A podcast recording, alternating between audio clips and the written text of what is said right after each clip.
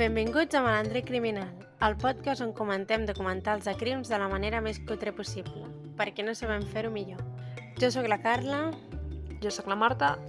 Jo sóc la Clara. Mm, haig de dir que no me'n recordo de res, eh? però bueno, parante. Jo tampoc. Però potser hauríem de començar l'episodi per uh, donar les gràcies a tothom que ens va felicitar els Nadals per les xarxes. Ai, sí, que monos sou. Però vaig a recuperar una mica algunes persones que ens van donar.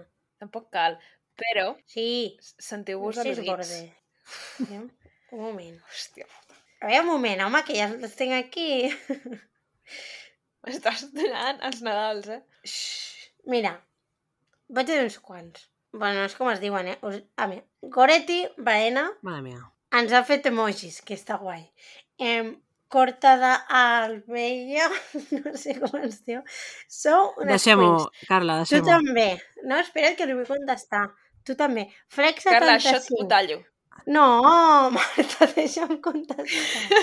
Molt bona a dir, moltes gràcies a tothom que ens ha felicitat les Clar, festes. ja està. I, Ja i, està. i Happy New Year. No, és que jo li volia contestar. Bueno, pues, pa'lante. Pues Vinga, va. Ah, vinga. No passa res, Carla, tu fes-ho, que jo tallo. Sandra, que la Sandra sempre ens contesta. Deixa'm contestar la Sandra. Ah, pues la Sandra sí. A més, ens ha dit la una cosa Sandra molt sí. bonica, la Sandra. La Sandra sí, la resta no. Sabeu el exacte. que ens ha dit la Sandra? Què ens ha dit? Ho veu veure. Igualment per vosaltres i moltíssimes gràcies per totes les bones estones que ens heu regalat aquest any. Sandra, li he explicat a tota la meva família el que m'has dit. O sigui, és, és, no sé, el millor que m'ha passat en tot l'any. I ja està, vinga, va, doncs posa la Sandra només i ja està. És que és molt maca. I la Joana, la Joana també que ens va dir bon Nadal. Molta gent ens va dir bon Nadal. Ja, però bueno. Um, I el Roger és veí de la meva iaia. O sigui que aquí Ah, és veritat. uh, estem a tope. A tope. També veu la torre també veu la torre Akbar per la finestra. Suposo. No sé, Roger, si digue'ns. és veí del barri. Segur que ens contesta, que sempre ens contesta. Mm. Doncs avui què fem, Clara? Um, hòstia, espera un moment. Espera, espera, espera. Que no se'n recorda. No, no, sí, sí que me'n recordo. És que se m'ha ficat... Saps allò que de cop no saps què toques, que se't fica la pantalla al 300%? I se te'n va tot. Bueno, Clara, ha tingut molt d'èxit, eh, el teu episodi. Sí o què? Sí? Sí. sí, És un episodi popo? Sí, perquè parles tu. No, perquè és de la John Bennett, que és No, com parles famosilla, no? Carla, ai, Clara, a partir d'ara, tu tots. A veure si tots Sí. sí. Tots tu. Que, si no se'ns mor abans. Sí, eh, m'estic una mica malalta, no és Covid. Tots hem Però- trebat malalts, eh, ja, aquestes alçades. Eh... Bueno, vaig, llegir... bueno, vaig fent. Fes un resum de... Fes una mica de resum de l'anterior. Hòstia. Aviam. Um, bueno, l'episodi anterior va Que acabar... poc professional. Sí, és que no me'n recordo ja.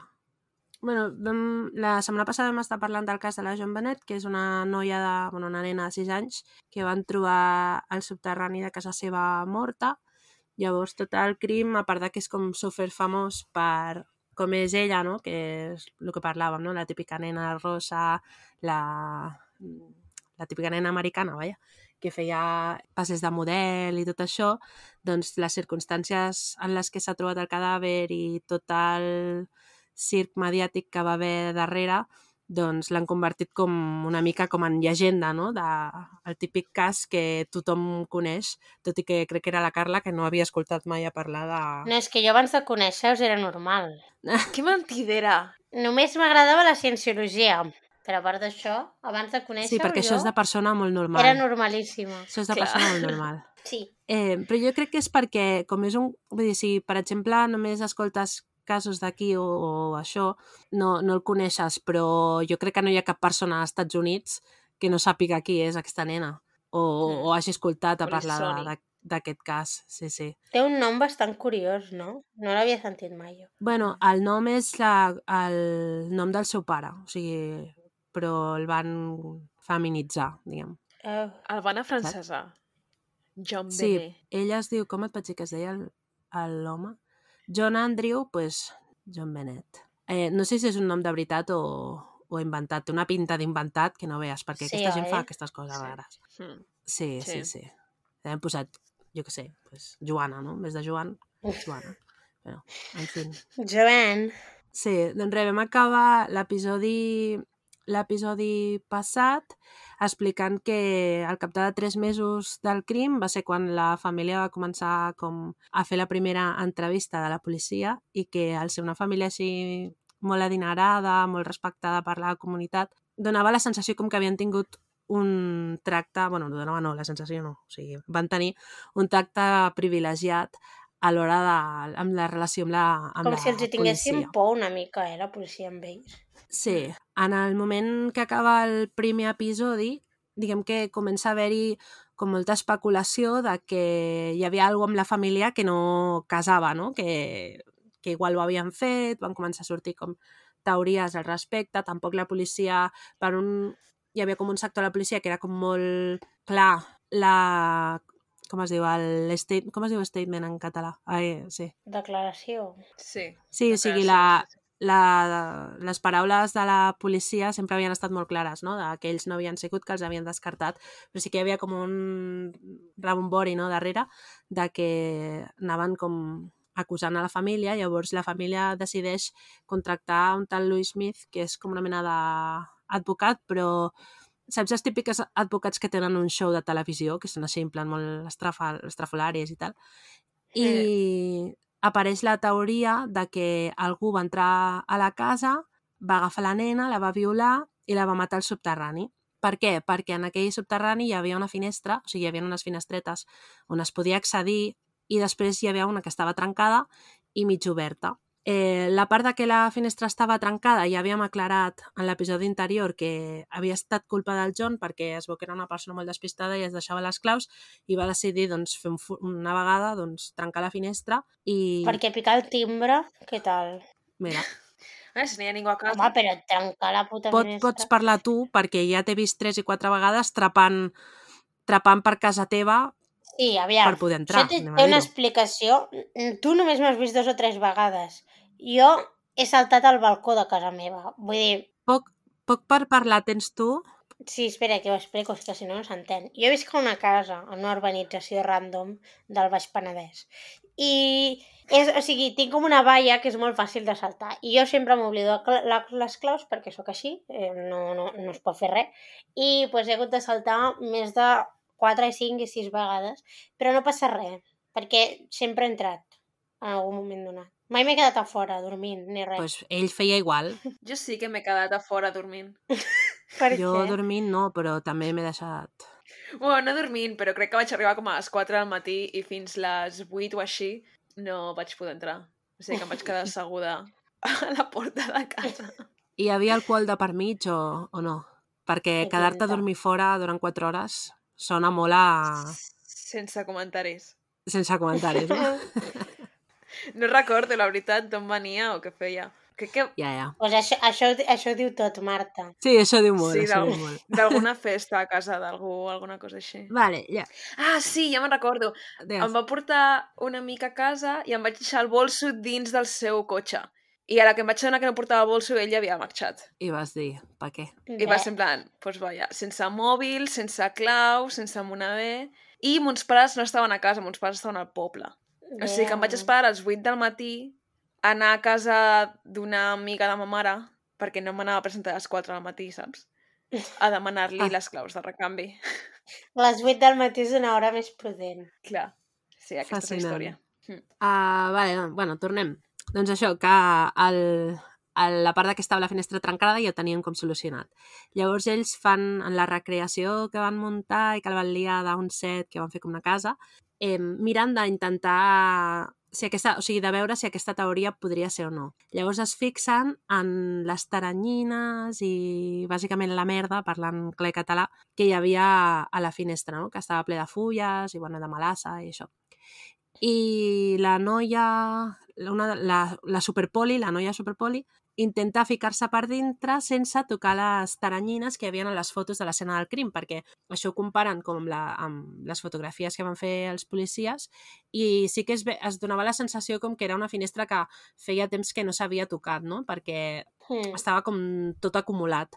Llavors intenten saltar, la noia pot saltar i pot entrar, encara que li costa com molt, i però s'emporta tota, el, tota la brutícia. Perquè és una finestra que queda com molt encaixada. No? Bueno, són finestres que, és, que al final eh, al soterrani les Clar. posen a la part de dalt una mica per agafar claror i després també per seguretat. És com Mm. mitja finestra. Sí. I jo penso que si pot entrar la, la noia, o sigui, que pugui entrar la noia no vol dir res, perquè si se suposa que qui ha entrat és, és un home, que suposen des del primer moment, No, però és encara més complicat perquè generalment són més grans, no? al final un home hi pot entrar perquè ell, ell trenca el vidre per entrar dins de casa Ja, ja, seva. però o sigui, que sense tocar tota la merda ni les taranyines ni res, No, no es pot. I Però és A que part, ella el- no pot no tocar la merda. ja, ja, per això, que dic que ho fan amb ella, però Ella s'endú les si, penses que és un home, mm. és encara més complicat que no se les endugui. I a més, Mm. jo crec que encara és més difícil pujar després perquè entre les presses de marxar i, i que sí que necessites com tot l'espai per poder fer l'esforç, Clar. que a part aquesta finestra és que no s'obre del tot perquè tenen com una mena de fals sostre que no deixa obrir la finestra del tot, només es pot obrir com una mica més de la meitat. Imagina't que t'intentes endur la nena per allà. És que és impossible maniobrar, emportar-te la nena. Que, que això, en veritat, pujar. aquest, aquesta teoria t'obre preguntes de, bueno, si tècnicament es volien endur la nena, no? perquè hi havia la maleta i tal, primer, òbviament, la maleta no passa perquè hi ha, perquè hi ha finestra, però després, com pots agafar la nena, o sigui, si la volies segrestar, com pots agafar la nena i pujar-la, saps? I si l'acabes violant, no sé, és que no, no concorden amb la nota, però bueno, la nota, si ens oblidem i diem, bueno, és, Necessitaries Sí. dues persones. Sí, Sí. i després que si, si entres a casa d'una nena per violar-la i matar-la, no fas la nota, Ja, saps? O sigui, ja, són ja. com si fessin... Si, o ho fan en fals per despistar la gent. Moltes contradiccions. Mm. O sigui, sí, al final no acaba de, no s'acaba d'entendre, no?, quin era el, el motiu o la, o la intenció. Són com masses possibilitats juntes, masses mòbils. Quin és el mòbil? Els diners? Mm. a l'agressió sexual, um, jo què sé, endur-te la Mm. nena per qualsevol cosa. Quina, quin és el motiu? Són com masses coses, totes Sí, tirades a veure quina queda. sí, sí, sí. Llavors, agafant aquest fil del, de les agressions sexuals, eh, comencen a parlar de l'autòpsia, no? Perquè fins aquí encara no teníeu l'autòpsia de la nena. I s'acaba dient que hi havia com... Es troben com una mena d'un trosset com de fusta, que és com microscòpica, que em sembla que estava a les calces, i una, una punta de sang, però una punta de sang és, no sé, com una gota de sang o mitja gota de sang, vull dir, és res. I per això es fa, o sigui, la conclusió oficial era doncs, que hi havia hagut una agressió sexual per aquest tema de la sang. Clar, al final estem parlant de 1996, que no és com ara, no? Llavors, bueno, que aquí us vaig dir una cosa, és que jo aquesta, aquesta setmana, quan estava a la taula del Nadal, vaig entrar a Reddit, per un altre tema, un altre cas que vaig escoltar, i vaig entrar en el món de Reddit de la John Bennett, Madre mia. perquè no, no sé si ho sabeu, però el mateix dia que vam gravar l'episodi de la John Bennett, jo no ho sabia, ha sortit una nova notícia de- d'aquest cas.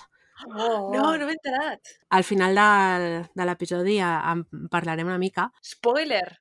Sí, i en un d'aquests o sigui, comentaris i tal, per això vaig entrar a Reddit. I una, una persona explica què és Reddit i, i llavors em vaig recordar que no ho mencionen al documental, però que una altra de les coses rares que es troben amb la John Bennett és que les calces de, que ella portava eren molt grans. O sigui, no eren unes calces per una nena de 3, 4, 5, 6 anys, sinó que eren com unes calces per nenes o adolescents de 12, 13, 14 anys, no?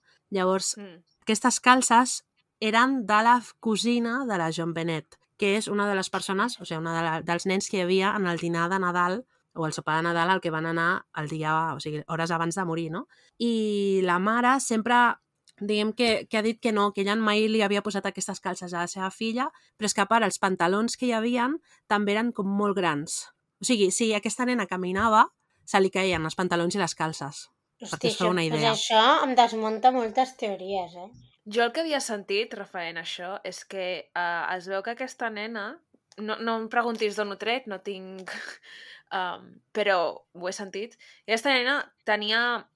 Eh, eh, acostumava a mullar el llit. Sí, I que molta gent ho explica d'aquesta manera, de que segurament va mullar el llit i li van canviar, la van canviar, li van posar aquesta roba, en plan, tu t'has per anar a dormir o qualsevol cosa així.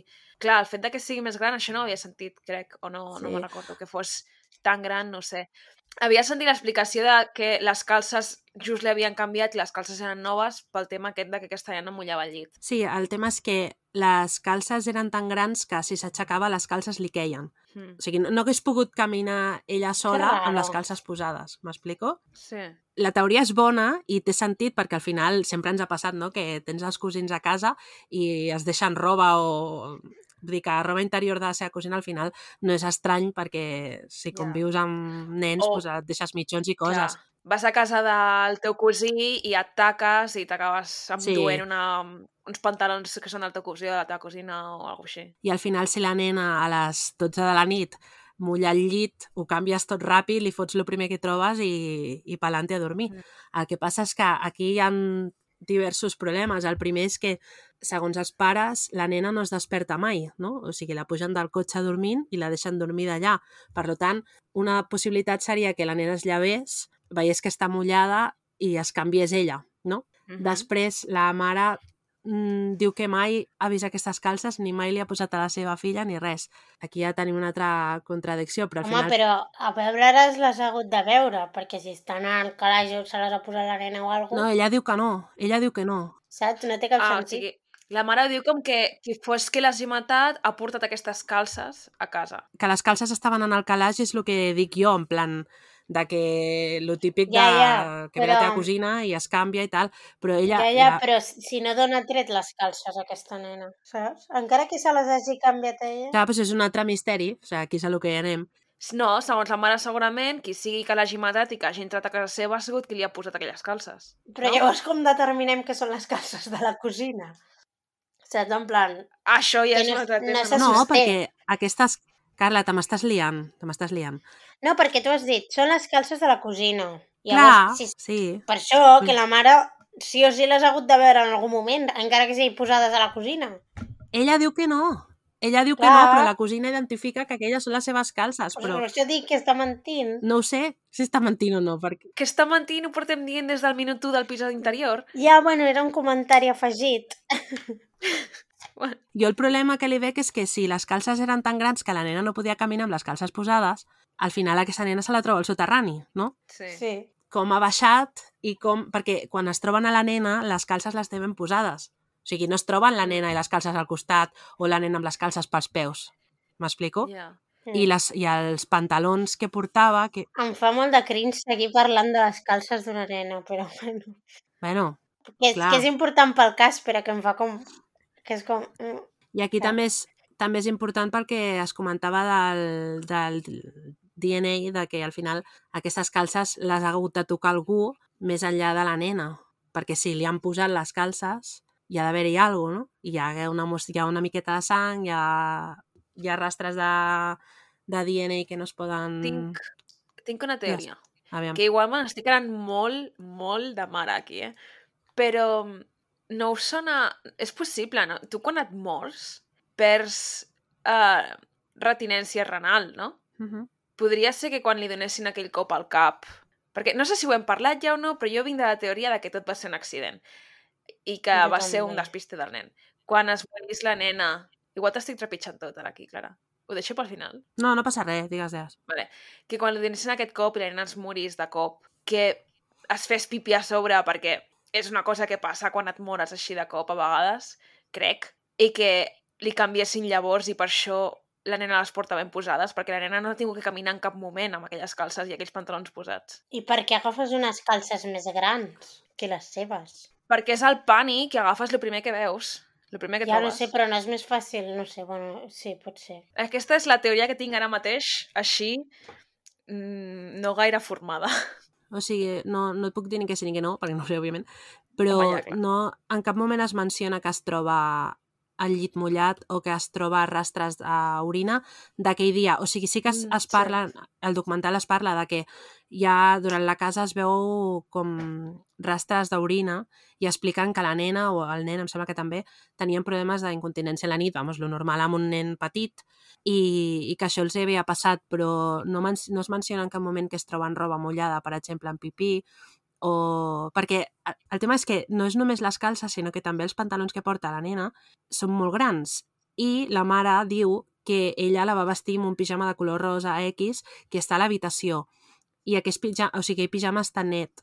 Net, o sigui, de, de portat. O sigui, està portat, però no està ni fet pipí ni, ni res. La nena porta, quan la troben, porta la part de dalt del pijama aquest rosa i els pantalons porta uns altres, que són uns pantalons aquests que són més grans, em, que es diuen Long Johns, que no sé el que, no, és, no sé el que és, deu ser una marca...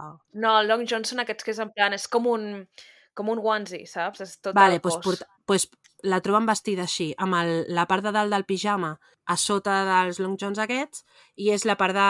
O sigui, és el, el pijama aquest rosa que famós que diu la Patsy que, que la vesteix. De tota manera, això no apareix al documental, eh? Que no liem a la gent. No. Això surt a... Bueno, és el que estava llegint a Reddit. Però jo tenia entès que la trobaven amb les calces mig baixades i que d'aquí venia una mica la idea de l'agressió sexual. Les calces mm, no és que les trobin mig baixades, és que al final, jo que sé, si li poses unes calces d'adult a una nena, encara que no estiguin baixades, sí que es veuran una mica baixades, no? Perquè no, no se subjecten. Mm. Llavors, el de l'acusació d'agressió sexual ve més per, per la sang que troben al, Mm. a les calces, Mhm. saps? Sí que es veu Sí. com, com si s'hagués manipulat aquella zona, però no es pot... O sigui, però perquè les calces són enormes. El Sí. més lògic, si jo veiés, per exemple, un nen que porta unes calces d'adult, o el que sigui, el més lògic que jo pensaria és, bueno, la nena s'ha llevat, no a mitjanit, s'ha vist que estava mullada, ha deixat la seva robeta i s'ha posat el primer que ha trobat i igual ha agafat roba de, del seu germà, no?, que era més gran, perquè Sí. no, no en són conscients de, i s'ha fotut a dormir una altra vegada. Però, clar, tampoc acaba de quadrar això. O sigui, són tot misteris i, i coses que no, no tenen sentit, saps? I que probablement no sabrem mai, eh? Però bueno. Sí, Però inclús si l'hagués canviat son pare a sa mare, a mig dormir, tot el que sigui, o si va ser després de, de que passés res en pànic, tampoc em semblaria estrany que agafessis algú més el primer gran. que trobes, o algú... clar. Exacte. Sí. I amb la llum Sí, mig sí. apagada i tot, vull dir, i ni t'hi Però- fixes. El tema és que encara que, per exemple, posem que l'haguessin matat els pares, tampoc haurien de per què amagar que han canviat a la nena, perquè al final són els seus pares, saps què vull dir? No, a mi no em semblaria raro que li hagin canviat les calces.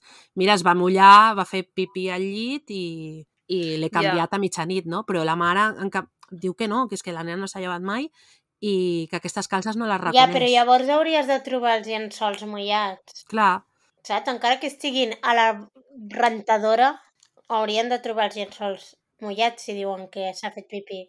però és que no se sap, Carla. Amb les d'hores que van passar podien haver-ho rentat i secat i plegat, eh? Vols dir? Entre què va passar tot això... En pànic? El principal problema d'aquest cas és que l'escena del crim no hi és, perquè està tan contaminada en tots els sentits que és que probablement no van mirar ni si el llit estava mullat o li van mirar la rentadora o van mirar res. Ja, Clar. ja. O sigui, el problema és aquest, que és un cas jo crec que fàcil, però hi ha tanta mala praxi des del minut zero que no ens diuen en cap moment si, si l'habitació està mullada o si el llit estava fet o desfet, saps? Coses així, Mm. perquè no s'ho van ni plantejar. També, i tot això que fa el pare de mm, passejar el cadàver per Clar. tota la casa... Mm -hmm. I de convidar gent que vingui i trepitgi tot. És com... Clar. Sí, Igual est- segurament està fet a posta, no? Perquè, Jo crec que sí. No es sap. perquè no deuen ser tontos. Jo crec que aquí s'ajunten les dues coses. Aquesta mm, tàctica d'ells de mm, contaminar tot el possible i li sumes a sobre la incompetència de la policia, que no són capaços de dir-li senyor, no toqui el cadàver, saps? Sí, Aquí s'ajunta tot una mica i ells ja ha sortit al seu favor. sí. El que jo Bueno. crec. Aviam, al final de l'episodi si pensem, si pensem el mateix. Clarament no, perquè si no, no diries això. No, no, no. no, no. Um, jo no sé, jo no... Bueno, després ho parlem. Um, també la nena té com unes marques, no? Això també em sembla interessant. Hi ha com dos marques que són molt reconeixibles, o sigui, tenen una forma estranya. I al principi diuen que és d'una una tàsser d'aquestes de descargues elèctriques. Ah, Llavors sí. comencen a fer unes proves que és com molt incòmode de veure en el documental. Ai, sí, sí, quin, quin mal rato. Sí, sí, aquestes marques que fa la, el bitxo aquest em, són semblants, no? I també la reacció d'un cos, que ho fan amb un adult, òbviament, no ho faran amb un nen. I, clar, aquí també dius, és que just al contrari, perquè si et fan, si et fan una tassa el que et ves un raig d'adrenalina, no? O sigui, no, la nena no, no s'hagués Sí. no, no quedat callada, al contrari, hagués cridat i ningú va escoltar res, ni el, ni el nen es va llevar, ni els pares, ni res. Després, I no et quedes inconscient, exacte, després que les marques no són gens semblants. no coincideixen. No, no, són molt diferents. On... Sí, el senyor que li fan li queda com tota la zona vermella. Sí, i unes rodanxes com allargades. Exacte. Sí, Sí, com unes línies més que una rodona, saps? sí. Ella té Sí. com dos punts negre, eh, vermells, però com molt definits. Sembla com si l'haguessin punxat. Sí, exacte, sí, sí. i això sí que ho fa bé la policia perquè sí que ens ensenyen les imatges de, de que van medir no? el, el, el, com es diu, la distància entre els dos foradets que tenia, amb diferents objectes i tal, vull dir que això sí que, que ho vam comprovar. Llavors, bueno, la, la història aquesta que es munta l'amic Lu és una mica... O sigui, es pot desmuntar molt, de forma molt, molt simple, o sigui, tampoc he entès molt bé per què vam fer aquesta història si sense saber res ja es veu que no, saps? Per a qui diu això? Això és l'advocat que, que fitxa la, la família. Vale, El que fa la teoria, que surt amb la teoria de que ha entrat algú, l'ha violat i l'ha deixat i ha marxat, vale. saps? Aquesta és la teoria 1. Tampoc sostenible aquesta teoria que fa com gràcia i tot. Perquè a part de... És que no me'n recordo, Clara, però a part de la manipulació de les calces, hi ha signes d'agressió sexual en el cos? No, però No, és, és tot basat en la roba interior. hi ha, hi ha diversos problemes, però el principal és que al final la tecnologia no era la que és ara i que probablement si Mm. això passés avui, demà et podrien dir si hi ha hagut agressions sexuals perquè haguessin fet una exploració del cos. Eh, o sigui, no, no hi havia elements per identificar... Perquè sí que hi ha com una substància blanca, això tampoc ho expliquen en el documental, però sí que els hi dona la sensació que hi ha com una mena de substància a les calces de la nena, no? Sí. com una secreció. I ells van pensar que era, que era semen. El que passa és que aquesta, aquest semen, a l'agafar la mostra, no, no coincidia amb cap de la llista de depredadors sexuals que hi havia a l'àrea i tal. Però hi ha moltes teories i crec que eh, finalment això s'ha com... o sigui, s'ha desmentit perquè es va concloure que la, era la pròpia secreció de la nena. Mm. Que això sí que Sí. tindria una mica de sentit, de que igual va fer pipí i, saps, lo, és, és, és secreció de- d'ella del seu propi, del seu No, propi cos. sí, i secreció vaginal sí, sí. és la cosa més normal Sí. del món i Sí. tant si ets petit com si ets gran, és molt normal. Mhm. Però al veure aquesta substància o aquesta taca, doncs va ser el que a ull van dir que, que passava. Clar. Però és més, el tema de l'agressió sexual és per la sang, que, al fin, que és una mostra molt petita de... I, i jo vull... no- Bueno, jo és que, no, clar, no ho conec, no? Però m'imagino que si, si hi ha una agressió sexual amb una nena, i a més amb una nena tan petita, la sang seria molt més bèstia. Clar, jo també ho he pensat, això. Per això em refereixo que no hi ha, no hi ha marques, no hi ha signes en No. els òrgans d'aquesta nena. No, no, no. no. I si hi hagués una agressió amb una nena tan petita, amb, amb un menor tan petit, I és molt petita. a la mínima, és que deixaria... És que- Clar, hi haurien signes en, en els seus òrgans Sí, mateixos. és que no parlem, no parlem ni d'una gota eh, de sang, o sigui, és com... Ja. Re, una mostra microscòpica de, de sang. Mm -hmm. Que podria ser sí, sí. qualsevol cosa, al final. Bueno, vull dir, sang, però Mm. em refereixo que podria ser de qual... Sí. Mm, Jo què sé, de qualsevol cosa. Que tampoc se sap si és seva, no? És seva, aquesta sang. No, no, no és seva, no és seva. La, la policia en aquell moment el que fa és agafar mostres de DNA, no? I també de la família d'això, ADN. perdoneu, ADN, i ho comproven, amb, i ho comproven i els pares surten com que no és seva, ni tampoc del germà, ni de la nena i tal. I, fa, i de la llista aquesta de depredadors sexuals que hi havia, doncs tampoc. O sigui, no hi ha, no hi ha cap... No surt cap resultat, no? De, tot surt negatiu. Llavors, és la principal baza que té la policia, no? la principal eh, com es diu, argumentació que fan per dir que els pares no són culpables, perquè al final hi ha, hi ha ADN en aquestes calces i aquestes calces l'ADN no és de, de la Però família.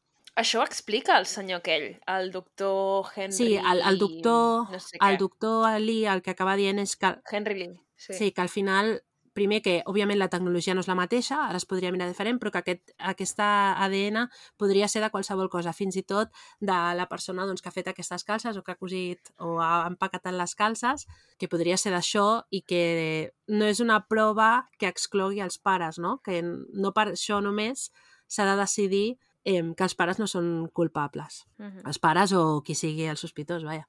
És el, el que parlàvem una mica l'altre episodi, que al final la ciència a vegades és circumstancial i que no només per una prova o per una cosa que ens pensem que és ja et fan culpable, sinó que ha de ser un conjunt de... O sigui, s'ha de buscar la major part de, de proves per poder respaldar aquests, um, Mm. aquests indicis. Aquesta teoria. Això. I... A veure, espera, que ja m'he perdut. Va, bueno, de, sí que el que tenen clar és que el crim es va cometre a la casa, no? que la nena va arribar viva a casa i que és principalment l'escenari del crim i que tot aquest jaleo de portar gent, de, de, la, poc, de la mala praxis que va haver-hi, doncs una de les hipòtesis és que ho fan per tapar realment el que va passar, el qual aquí ja t'està deixant entendre que el documental va enfocat a que ha sigut o els pares o el germà o alguna persona de les que va estar en aquell, en aquell sopar. Mm. Llavors, una altra de les coses que crida molt l'atenció és que surt una noia que havia estat policia en aquella època i explica que des d'un primer moment la policia estava molt tranquil·la perquè sabien que no hi havia un assassí random al, al poble. Perquè la mare, la Patsy, sempre recalca doncs, que la gent vigili amb els seus fills perquè hi ha una persona que està boja pel poble i tal, i ells, al contrari, diuen que, que no, que no hi ha ningú. I això també em crida l'atenció perquè tampoc és una resposta normal, no? De, al final, si hi ha un crim a, a X lloc i es, sos, es sospita que pot ser una agressió sexual, el primer que et fa pensar és que, ostres, igual hi ha una persona aquí que està boja i està matant els, els fills. Però la policia des del primer moment està com super tranquil·la perquè saben que això no, que no ha passat i... Que no repetirà. Sí, i donen a entendre de que, de que al final és algú proper a la, a la nena. I també comencen a explicar doncs, que al final la posició de poder que tenien els pares també influïa en la policia, com ja havíem parlat abans, i també les amistats, no? que de cop hi han persones influents que posen com molts pals a les rodes, eh, diuen que fan coses que no fan i coses així perquè aquesta, aquesta investigació no, no tiri endavant. Cosa també bastant curiosa, que dius, què passa aquí? Sí, no s'havia vist mai, això. Hmm. Llavors, una de les coses que sí que ens expliquen és que tenen molt clar que la nota la va fer la Patsy. Per, a part de per lo random que és i lo rara, sinó també perquè hi havia ADN d'ella i molt, o sigui, marques molt distintives de la forma d'escriure i tot això que, que la incriminaven cap a ella. Llavors surt un policia que fa molt això de contar la verdad para seguir viviendo o algo así, ¿no? Que explica que el principal culpable de que això no s'hagi solucionat és, i aquí ho he apuntat en anglès perquè no sé com es diu en, en català, que és el, el diguem, el, el fiscal, no, Marta? Um, espera, és que no veig la paraula. District Manoli. Attorney és el Attorney. fiscal, no? El fiscal de l'Estat. Sí. Del, sí. Bueno, del districte, no? Del... Bueno, el fiscal, vaja. El... sí, és la part que acusa. Sí, sí, sí, Sí. és el fiscal. Doncs es dona a entendre que tenia amistat o relació amb, amb, la, amb la família. I una altra de les Vaja. coses també molt curioses és que per, sí, per fer aquesta entrevista amb la policia, que fan com tres mesos després del crim, la policia li proporciona a la família informes perquè es prepari l'entrevista. Ah, Qual cosa és com... Brutal. Com, com vas a la tele i et, i et passen el guió de les preguntes. El propòsit de l'entrevista és precisament que no sàpiguen res, separar-los i intentar doncs, abstreure les discrepàncies que puguin tenir entre els discursos i aquí fan el contrari, els ajunten a tots, els hi fan declarar tots junts És i els hi proporcionen tota la informació que tenen perquè se la preparin. guai. Coses molt, molt, molt estranyes. Llavors, l'any 2013 es fan els documents del cas públics, perquè fins ara doncs, hi havia el secret de sumari, i aquí és una mica quan es comprova totes les irregularitats que hi havia en el propi procés judicial, que fins i tot les persones els diferents diguem, departaments que havien estat treballant amb aquest procés judicial es donen compte que la informació que rebien i la informació que hi ha escrita és totalment diferent, no? Doncs el... com es diu? Què hem dit? El... Què hem dit El que era? El, el, això. El fiscal. Doncs es donen compte que sobretot el fiscal aquest, que crec que no m'he apuntat el nom, em, fa desaparèixer proves, em, demana, demana un tipus de, una tipologia de judici. M'està donant vibes del jutge instructor i el Santi la Iglesia. Digo. Sí, Totalment. sí, sí. No, no, és que coses molt estranyes, perquè és això que li demanen una tipologia de judici en concret i ell diu, sí, mira, ho he proposat i m'han dit que no. I després eh, resulta que els documents posa que sí, que el jutge ho havia autoritzat, això, però ni, com ningú es va presentar per fer aquest tipus de judici, doncs el van descartar. I clar, ningú es va presentar perquè el fiscal els hi va dir que no, que el jutge ho havia desaprovat, no? Coses d'aquest estil que Sí, dius, ostres, és que gent- aquí hi ha alguna cosa que no quadra. I els hi va passar alguna a aquesta gent? En No. Clar, Clar. això és una altra cosa. No ho expliquen, jo suposo que no, si no ho dirien. Però també també em sorprèn molt la impunitat que hi ha en, en, aquest, no sé, en aquestes trampes que fan. Perquè jo em suposo que si això passés ara i es descobreix, ja sé que probablement això se segueix fent, però i es descobreix hi ha d'haver unes conseqüències no públiques. Seria Home. el mínim. Tu creus? Arri... bueno. Aquesta gent arriba a un punt social en què fan el que els dona la gana i, i saben que poden fer el que els dona la gana. Jo crec que no n'hi hauria, eh? Sí, sí, està clar.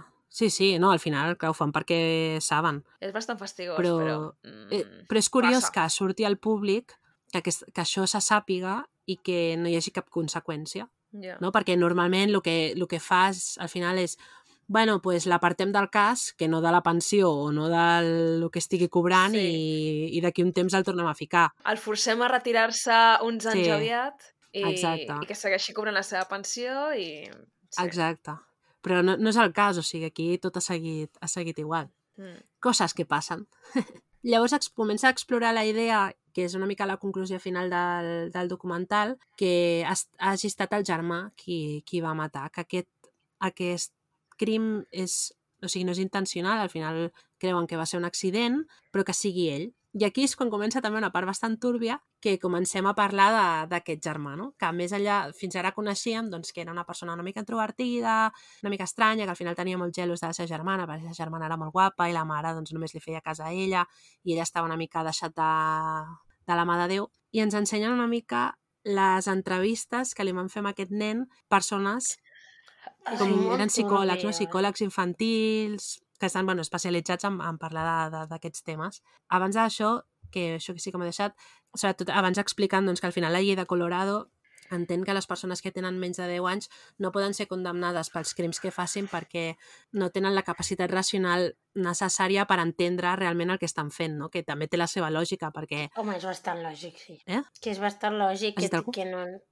que no, no pot Sí. ser conscient del que al està final no, no és conscient de, del, sí, del I valor no? d'una vida sí, o de treure una vida i bueno, en aquestes entrevistes que li fan no sé, què, no sé què, què us ha semblat a vosaltres, quina impressió us donava perquè a mi em dóna la sensació hem de pensar que té 10 anys, que amb els 10, anys, 10 11 o 12 anys els nens comencen a estar una mica tontos, d'allò que no els aguantes.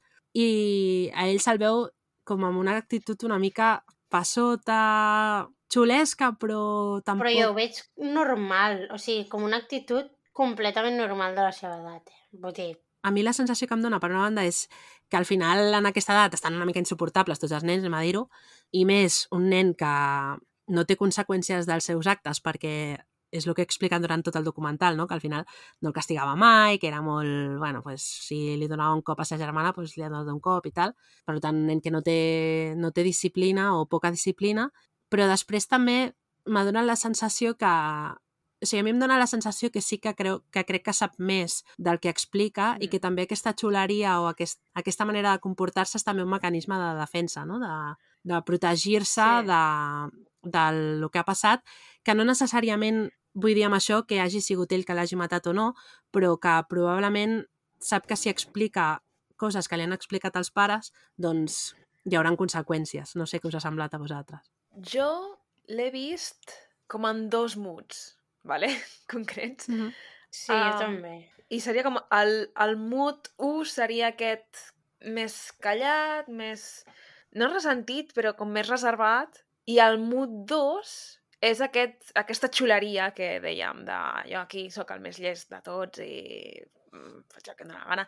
I em dóna la sensació que hi ha moments en els que inclús juga una mica amb la psicòloga amb la que he estat, en aquest sentit de puc fer el que em doni la gana. Però sí que té aquests moments, per exemple, hi ha un moment que no, no me'n recordo que li pregunten, que es posa a la cadira i es posa com a la punta de la caïra perquè està super atent i crec que és el moment que potser li entra una mica com el, el raonament de hòstia, hòstia, hòstia, que ets amb cuidado amb el que dic, perquè, uf, no? I... Jo penso que hi ha moments que se sent com... O sigui, la major part del temps està com bastant en control de la situació i per això està en aquest mood tan xulo que, per altra banda, mmm, em sembla bastant normal per l'edat que té. I llavors hi ha moments que se sent com més acorralat. Mm. I llavors, quan se n'adona que està acorralat, és quan canvia l'actitud completament. I quan se n'adona que no pot... O sigui, Sí. que, que s'està passant o que, s- o que no, no està tan en control de la situació, jo crec. També crec que ell sap que sap el que ha passat i que no ho pot dir, però això també em dóna la sensació mm. que li dona com una mica de, entre cometes, poder, saps? De jo sé una cosa que tu no saps.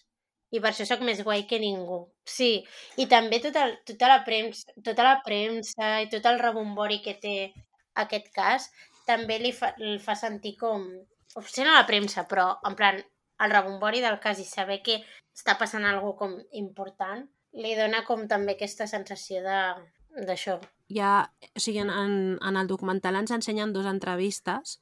La primera, que, que és la que està més tranquil·la, i això és a les dues setmanes de, del crim, i a mi aquí sí que em sobta bastant que el nen, diguem que no té cap tipus de preocupació, no? no mostra cap tipus d'emoció en què la seva germana l'hagin matat, i No. sobretot, més que emoció, perquè al final dius, bueno, pot ser el trauma, no?, de, de no voler parlar perquè al final estàs traumat perquè t'han matat a teva germana, sinó que tampoc mostra por ni, ni res quan és una cosa que li podria passar a ell, no? Jo penso, ostres, jo de petita, si m'hagués passat això, potser pensaria, potser no, no, no actuaria acord amb que acaben de matar la meva germana, però sí que expressaria una por o un neguit o em faria pipí, per exemple, al llit de dormir en, en la cam, o sigui, en, en l'habitació on, on dormo, no? Perquè al final han matat a la meva germana allà, va Sí. entrar algú de fora i m'ha matat. O no voldries anar a dormir i aquest tipus de coses. Sí, o Però dormir amb jo els crec que- pares... A això el que demostra és que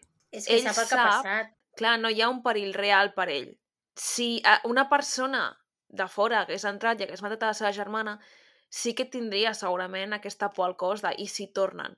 El qual seria totalment normal i és una cosa que li passa a adults. Hi ha molts adults que els hi roben a casa i després passen mesos que no poden estar tranquils. Perquè i si tornen? Que jo sento un soroll al carrer quan estic a punt de dormir i em cago a sobre. Vull dir. Per això. Però aquest nen dona la sensació de que li passa això. Sap que va ser un accident, sap que no anava amb ell la cosa, sap que no tornarà a passar, sap que no hi ha perill per ell. Llavors, aquesta sensació que dona. I, Total. I a la vegada també crec que eh, desassocia una mica, perquè hi ha moments en què és com que, com que això no va amb ell. I hi ha Mm. algun moment que li diuen en plan, sí, perquè el que va passar... Ah, quan la va matar... Sembla que ni se'n recordi de que té una germana. Exacte. Jo crec que O que tenia. en part també desassocia bastant. És com una cosa que ha passat a algú altre o com si hagués sigut una cosa que hagis vist a la tele, saps? Mm. Jo, quan vaig veure aquestes entrevistes, primer vaig pensar que jo al final no sé com reaccionen els nens que pateixen abús No, a casa seva i estaria guai saber-ho, perquè potser no és un comportament tan estrany com em sembla a mi des de fora, que també seria una opció, i després que també al final també hem de ser conscients que veiem tres escenes d'una entrevista de dos o tres sí, hores. sí, tot això comentat de Clar, això dos minuts. Parlant de del que veiem al documental. Vull dir, aquí Clar, vull dir- expertes no en som ningú. A mi m'agradaria m'agradaria veure aquestes imatges sense, sense que estiguessin En tretes de context. saps? Perquè potser la percepció que em dona ara de l'actitud del nen canviaria moltíssim. Però bueno, clar, al final veiem Clar. el que veiem i, i el que ens ensenyen i el que parlàvem Clar. l'episodi anterior, amb la música darrere i tot el, el que et van com creant Clar. perquè tu al final acabis veient aquest nen com el culpable o el responsable d'aquest crim. Al cap i a la fi el que estem comentant aquí és el documental. Exacte. Saps? O sigui, sigui el cas, però Sí. mm, ens estem Mm. basant en aquest documental. O sigui, que tampoc ens demanis Sí. gaire... Mhm. Tenim la perspectiva que tenim Sí. perquè és el que se'ns ha donat. Sí que és veritat que el que li crida molt l'atenció al nen és quan parlen de... quan ensenyen el bol, no?, de la pinya i, Sí. i del menjar que, que hi havia allà. I... Però li crida l'atenció perquè no contesta. Li pregunten què és això i diu... Mm, Em dóna la sensació que això sí que és una situació de conflicte, o sigui, que al final amb aquesta pinya o amb aquesta fruita passa alguna per això és quan se sent acorralat. Exacte, sí. És quan no sap què fer perquè mm, si dic massa, la cago aquí. Sí, i que li costa respondre a preguntes tipus t'agrada la pinya i s'ho pensa molt si dir o sí o no, Sí. saps? No, que Quan- li pregunten què és això quan es veu clarament que és un bol de pinya i no, i no sap com contestar. Mm. És que és un bol estrany, no sé si us heu fixat. Perquè és que Qui saps, collons menja pinya amb llet? Com si fossin cereals. Em va Clar, semblar la cosa més això- rara. És que això tampoc ho expliquen, crec, però jo ho he vist, em sembla que ho he vist en un altre lloc, però la mare també explica que, que aquell bol no entén el que ha passat amb aquest bol, perquè ella mai servia als seus fills pinya amb llet o pinya amb iogurt. Feia la pinya o el iogurt, no? Però si diuen que ho menges sempre. No, ells No? el que diuen és que, és que ella menja, eh, com es diu allò, un... O sigui, sempre els hi fan un, un per la nit, els hi donen menjar. Però, per exemple, els hi donen un snack que és pinya tallada, no? O jo, un iogurt, per exemple, o coses així. I sí que expliquen que no era raro que els nens baixessin a menjar. O sigui, com que Sí. dona la sensació que el que ens volen dir és que va ser els nens que preparen aquest tipus de menjars raros, que una cosa no em sorprèn, perquè jo també feia unes combinacions quan no em veien mons pares de si m'agrada la llet i m'agrada les maduixes, vol dir que si fico llet amb maduixes està molt bo, per començar això, i després el que explica la mare, de que jo mai posaria aquesta cullera, perquè aquesta cullera eh, més gran i jo soc, o sigui, només posava petites i coses així, tampoc em sembla estrany que el nen ho hagués agafat, perquè, per exemple, la meva àvia també és molt així, no? De la, cada cullera té com una, una funció específica, no?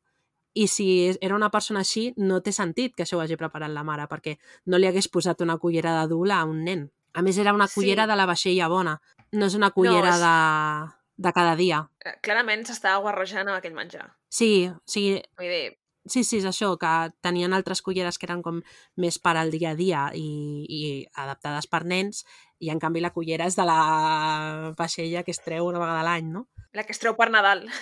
Ah, exacte, totalment, totalment. Llavors, aquí és, jo, sí que veig això, que aquí hi ha un conflicte o va passar alguna cosa amb aquest bol de fruita que ell no vol explicar o igual no li deixen explicar, no?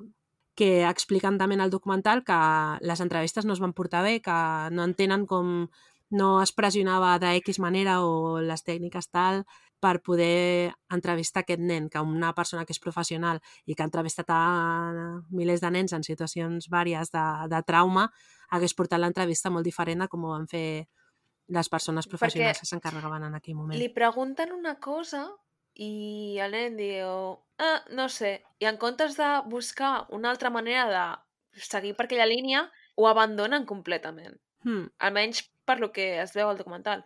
Sembla Sí. que en comptes, ja no pressionar el nen, perquè tampoc, però en comptes de buscar una altra manera de re redirigir la conversa, abandonen el tema, Sí, sí, sí. saps? I és com, bueno, al cap i a la fi, és una investigació criminal, saps? Vull dir, Llavors, parlant de pinyes, resulta que ens expliquen també que la Joan Benet tenia restes de pinya als intestins. Llavors, la versió oficial de la família és que arriben a casa a les 9.15, la nena dormia allà al cotxe, llavors el pare agafa, la puja i la puja al llit a dormir, no? I no en cap moment li donen menjar ni res perquè estava dormint. Però la pinya que hi ha en els intestins consideren, per l'estat en el que estava i els fluids que hi havia, que sí que era d'aquella nit que no havien passat Mm. moltes hores. I clar, sum, això sumat amb el bol de iogurt i pinya estrany que hi ha pel mig, que està a mitges, perquè no està ni, com, o sigui, ni, ni per començar ni del tot acabat, no? Està una mica popurri. Doncs que això seria una mica el, que, que aquest plat se l'hauria menjat ella o li haurien preparat per ella o havia passat alguna cosa amb això. Quina és la teoria que ens diuen en aquell moment? Doncs que fos el nen que es preparés un bol de pinya amb iogurt perquè tornaven de, de, de casa, es lleva la nena amb gana, li pren la pinya i llavors acabi amb un accident i, i acabi com va, com va acabar la nena. No sé què, com ho veieu, això. Jo penso que és del tot factible, perquè pot ser bàsicament, o sigui, i passa moltíssimes vegades, i vosaltres no teniu germans, però en plan, la cosa és que sí. tu et prepares algo, ve l'altre. O sigui, és que jo, jo he vist una d'hòsties entre germans que no, no està escrit. Llavors, em sembla totalment factible que el nen es preparés la pinya allà per ell tranquil·lament. La nena baixés, veiés la pinya, digués, jo vull pinya. L'Inés agafa la pinya, sortís corrent o el que sigui, i el nen agafés el primer que trobés, a.k.a. la interna, i li fotés un cop sense la intenció de matar-la, probablement, però li fotés un cop de la ràbia Sí. i que acabés malament el tema. És que jo ho veig completament factible. Sí, a més a més és un nen que ja expliquen que tenia una mica de problemes d'autocontrol i d'ira i que ja altres vegades li havia donat cops i no havia passat mai res.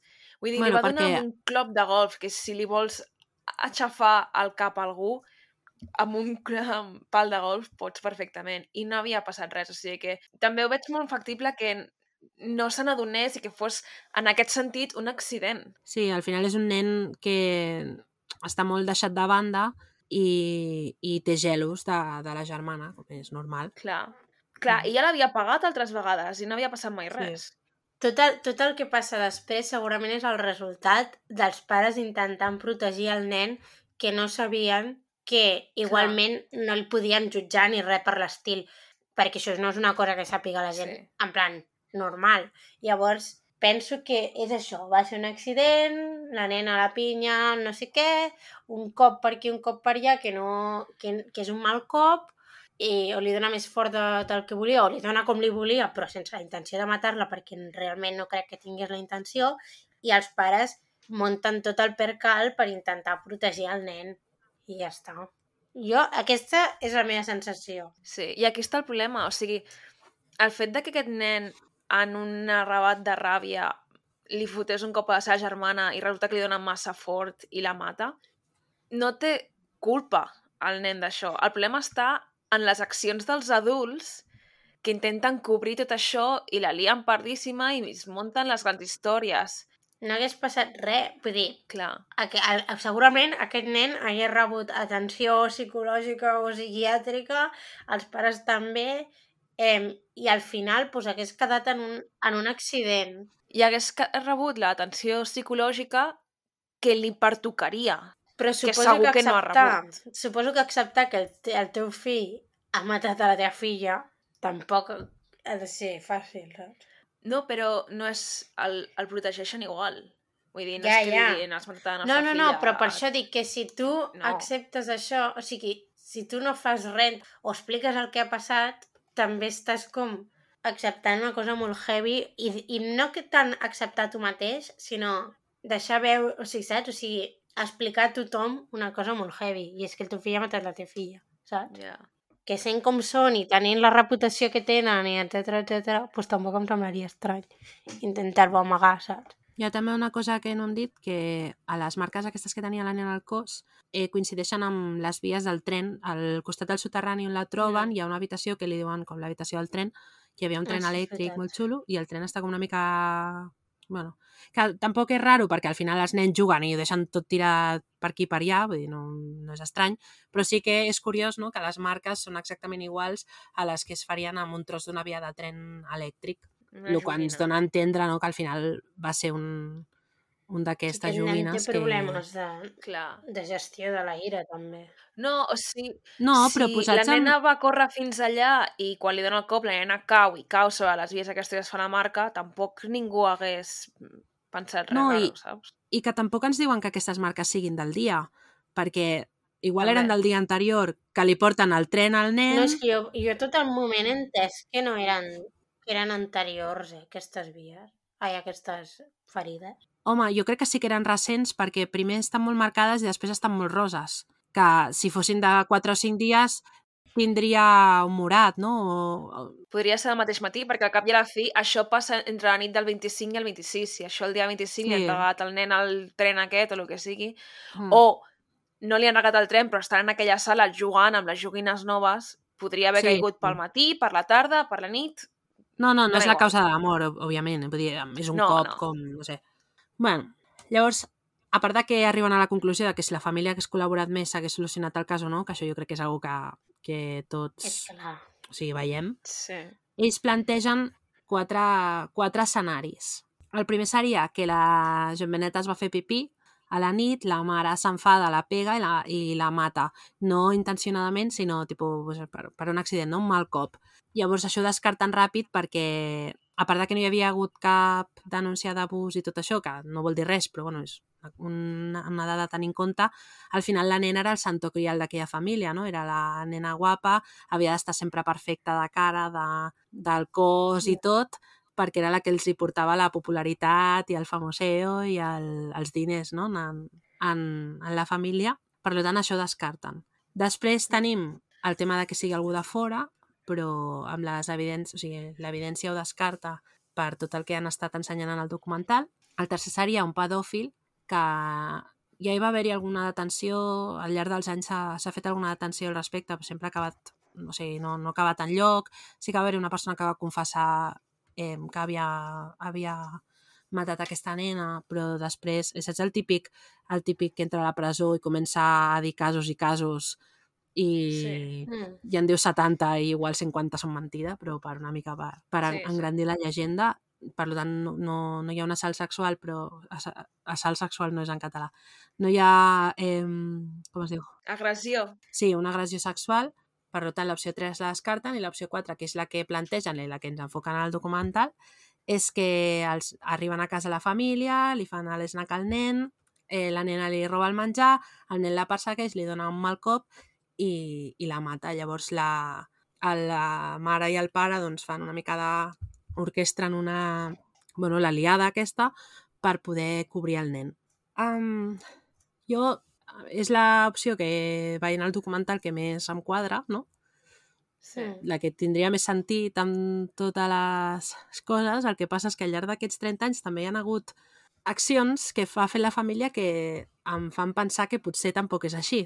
I amb això, per això s'estava escoltant que no deia res, és amb el que vull enllaçar, amb, la, amb, la, amb el que ha passat fa 5 dies. Ja això no m'he enterat. bueno, va haver-hi una...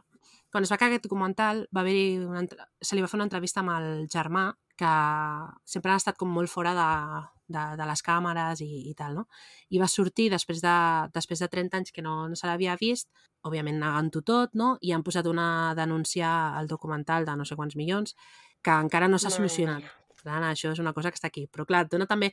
És com molt agosarat eh, acusar aquesta persona sense tenir realment proves. Jo en el seu moment vaig pensar, hòstia, aquest documental sí que va fort, no?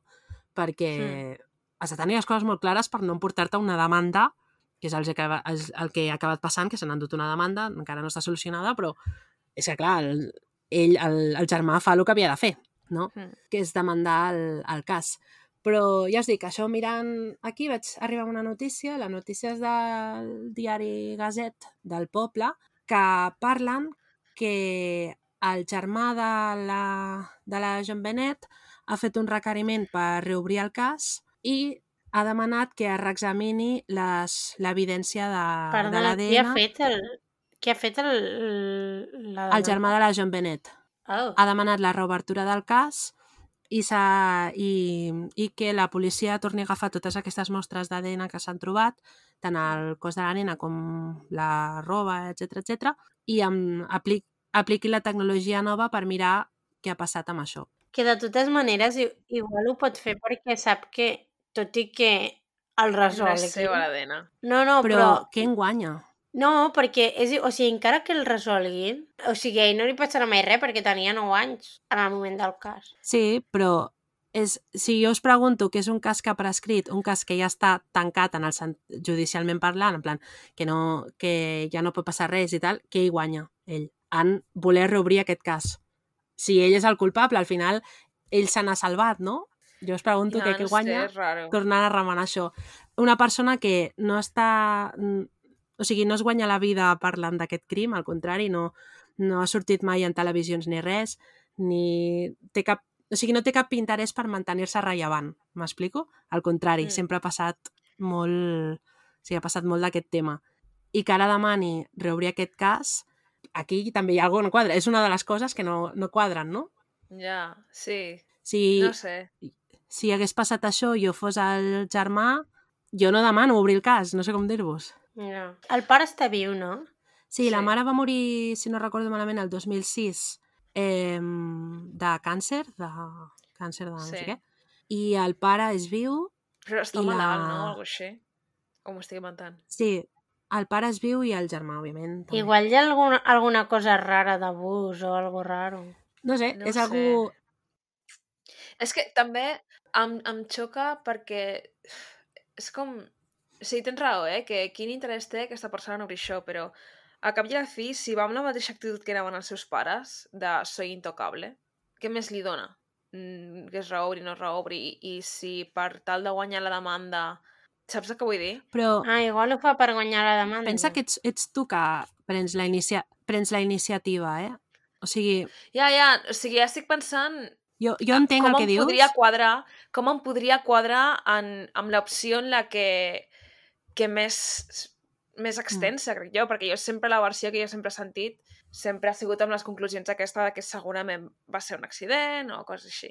Llavors estic intentant que em quadri això Mm. últim que has dit, que no ho sabia, amb, amb aquesta versió. Una altra de les coses que va passar, que això no sé si ho sabeu tampoc, és que el 2016 va haver-hi un... van fer un... o sigui, van detenir un home a Tailàndia de, de, relacionat amb el cas de, de, de la Joan Benet. Sí, això em sona. Tot bé perquè aquest home va enviar una carta a un professor d'universitat explicant-li, o sigui, confessant que ell havia matat a, a aquesta persona. I això els hi ha passat més d'una vegada, dos i de tres. Llavors van estar investigant com molts mesos a aquest home, tot el que havia fet i tal, i van veure que hi havia una possibilitat real de que sí que hagués sigut ell, no? Perquè havia estat a la zona, perquè tal, perquè igual. I van anar fins a Tailàndia i el van, i el van detenir. No. I què van fer? El primer que arriben, 2016, mirant l'ADN, ah no, no coincideix amb l'ADN de les calces, doncs fora. O sigui, el mateix procediment que han fet per descartar els pares ha sigut el que han fet amb aquest home. Mare mia. Que És que no resoldrà mai per lo inútils que estan sent. a mi em sobta molt i em quadra molt poc que aquesta persona, després de 70.000 anys, segueixi buscant respostes i que potser sí que teniu raó que hi haurà una part seva d'autosatisfacció de, bueno, al final si acaben trobant a la persona que ha matat, també es neteja el meu nom, perquè Mm. imagino que, que viu amb, a l'ombra de, de que tothom sap qui és, no? Clar, si realment no va ser així i la teoria més extensa i més coneguda és que va ser ell i realment no va ser així, m'imagino que seria una putada i que li faria Clar. molta ràbia. A mi em dóna la sensació, o sigui, sense saber res, que jo sigui llegeixo aquesta notícia de ostres, de que és que igual el germà no ho ha fet ell, l'estan acusant i de, en després de 30 i pico d'anys d'aquest cas encara segueix buscant respostes i encara està com prenent accions per poder, per poder trobar el, a qui va matar la seva germana. No. A mi em sobta molt, Això la veritat. sí que m'ha sobtat, eh? Perquè jo tenia claríssim, eh? Però, Sí. clar, també canvia les No, coses. no acaba de quadrar en tota la resta No. de coses que sabem. I després una altra cosa que no em quadra, i això ja és molt personal, és que si entres a Reddit, la gent no veu tan clar això de que has estat el germà. I normalment a Reddit la gent és com molt, eh, perdoneu per la paraula, però és molt taliban amb les, amb les seves... O sigui que al final, com no hi ha conseqüències, doncs cadascú diu una mica el que pensa, no? I sí que es presenten coses i es qüestionen, es qüestionen parts de- de- d'aquest documental i de, del cas en si que els hi fa pensar que no és, no és el germà. Però també la teoria de que hagi entrat algú tampoc ho veig, ho veig Jo- molt complicat. Que hagi entrat algú, algú, ha de ser algú de la casa. Jo Si crec no que sí, que ha sigut estat algú... El germà té que haver sigut un dels pares o algú que Mm. estigués a la casa en aquell moment O un però- amic... que conegui els pares i que conegui els nens. Algú conegut ha de ser, perquè si no, no muntes tot el drama per protegir algú, Mm. saps? O sigui, ha de ser algú conegut, ja sigui un d'ells, o sigui un amic d'ells, o sigui... No sé, que també si ha sigut un amic teu i el protegeixes d'haver matat a la teva filla, no sé com dir-te. Clar, però també és això. Si igual muntaries el, panor- el, el circ igual si ha sigut un accident. Fos el teu fill, fos un amiguet, fos, saps? Penseu que tampoc es pot provar ni es pot dir que els pares hagin orquestrat això, perquè al final tot el que els pares fan, primer, mai ningú els ha dit que no ho facin, Ja. i després no s'han trobat mai en aquesta situació. Clar, en una... En una... Posem-nos a 20 i pico d'anys enrere, en què et trobes això a casa, com reacciones? Potser és que reacciones així, és que no ho sé, saps? O sigui, no hi ha cap prova per, per poder assegurar o poder pensar que els pares van pujar al cos de la nena per poder Aviam, No que sé, hi ha coses rares. amagar-ho tot. ha. No, que hi ha coses rares, sí, òbviament. Però clar, eren els 90, no els anys, els anys 20. Lo de no tocar l'escena del crim, llavors ja se sabia. Sí, però, per exemple, no sé, jo imagino que a mi em troben morta a dins de casa i ma mare el primer que fa és tirar-se sobre meu. Clara, què t'ha passat? Saps? Però, Clara, aniries a mirar el pols, aniries a mirar si la persona respira, però no mouries el cos del lloc. O igual m'agafa per abraçar-me, jo què sé. És que, no ho sé, òbviament, no, espero no trobar-m'hi mai, no? Gent, però- no toqueu cadàvers. Punt. Heu de pensar que, que mai s'ha pogut provar ni mai... O sigui, que és una suposició que tenim nosaltres de que el, els pares van fer això, però és que igual no. O sigui, tot això va estar permès per la policia. Tot aquestes... Sí, sí, es, gent- junta, es junta tot, es junta tot aquí. Vull dir, és un- el fet de que aquesta gent fa coses que no han de fer, a la incompetència de la gent que no són capaços de dir-los senyor, senyora, um, retiris, saps? Mm. Perquè és que puc arribar a entendre lo de pues, anar fins al cos i mirar si està bé, no? Potser sacsejar-lo una mica, donar-li la volta per veure si respira o no, però arriba un punt en què... I sobretot si hi havia policies allà, li havien de dir, senyor, retiris de l'habitació. Clar, és això, puja amb la policia, baixa amb la policia, porta el cos amb la policia... O sigui, que, que igu- igual el pare ho va preguntar, la pugem a dalt i el policia li va dir sí. Tampoc ho sabem, això. Clara, Saps? no se us fa com super raro pensar que eh, ningú, o sigui, ningú dels veïns i, i la comunitat, per dir-ho així, eh, volgués parlar de res de tot això amb ningú, ni amb la premsa, No, ni amb la policia, no. ni amb ningú. No, però si tu el que vols és resoldre el cas de qui ha matat el teu fill, tu no voldries que la resta de persones digués si han vist alguna si han sentit alguna si saben qualsevol cosa. No, però, o sigui, en el seu moment es pren declaració als veïns. El que Sí, parlen de però- que la, els veïns no, poden, no volen parlar és perquè al final... no volen parlar amb la premsa. al, I al final penseu que són 20 i pico d'anys de persones que van a la casa a fer-se fotos. Persones que van picant, però preguntant. Moment, També és normal que la gent estigui fins al... mm, fins als nassos de, de gent curiosa que va a investigar i a creure Sherlock Holmes, saps? Vull dir, jo si visités aquella zona aniria a mirar-ho, ja us ho dic ara, Sí. saps?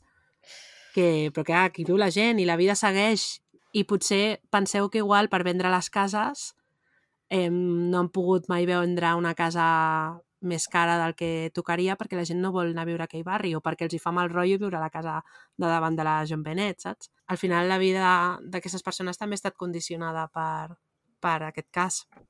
no sé, no sé. Jo ho entenc, eh, el que arriba un punt en què no volguessin parlar amb la premsa, no volguessin parlar amb gent curiosa i tal.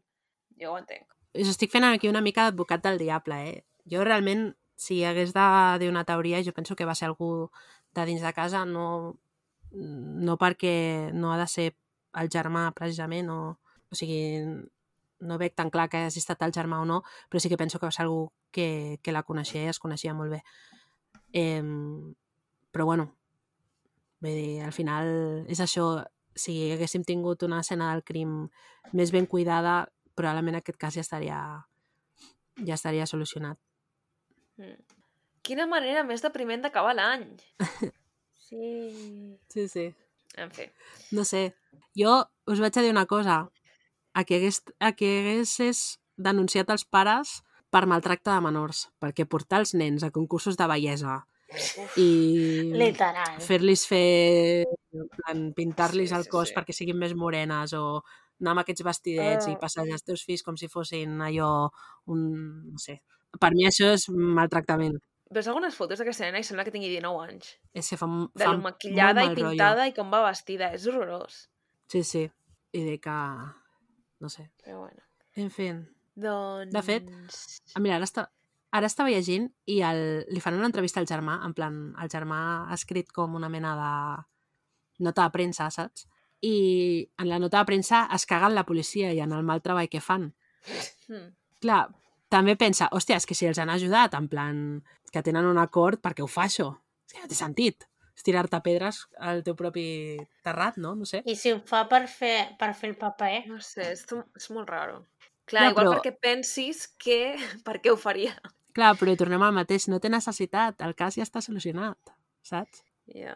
bueno, Bueno. algun, algun interès ha de tenir en resoldre'l. que igual té interès en resoldre aquest cas perquè ell no és.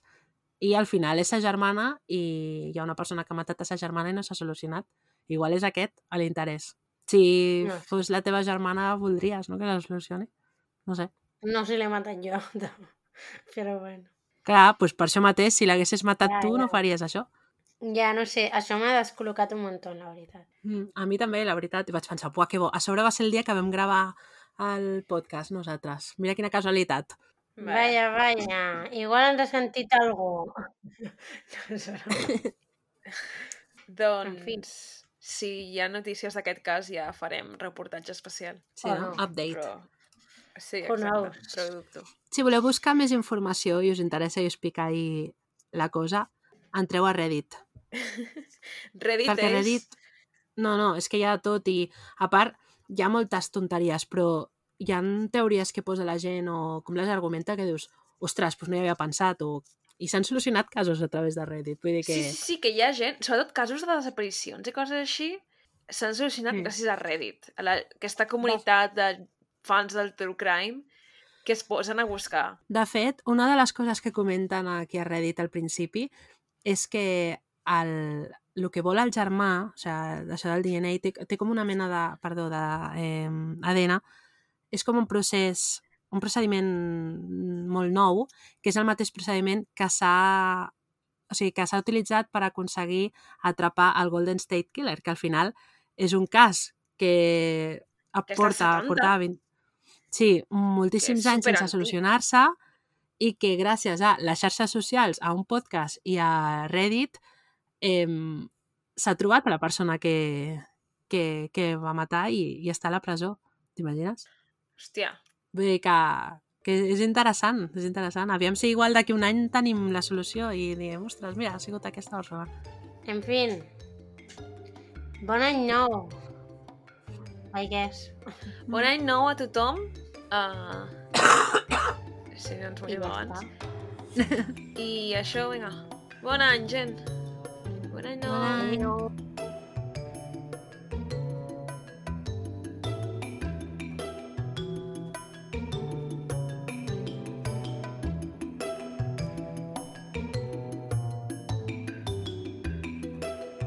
Fins aquí el programa d'avui. Si us ha agradat i us heu entretingut, podeu subscriure-us.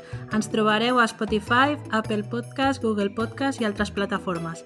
També podeu deixar una ressenya o un comentari, que això ens ajudaria molt. Si voleu comentar-nos què us ha semblat directament, ens trobareu a Twitter. Simplement busqueu Malandrí Criminal Podcast i us hauria de sortir. Gràcies per escoltar-nos. Adeu. Adéu. Adéu.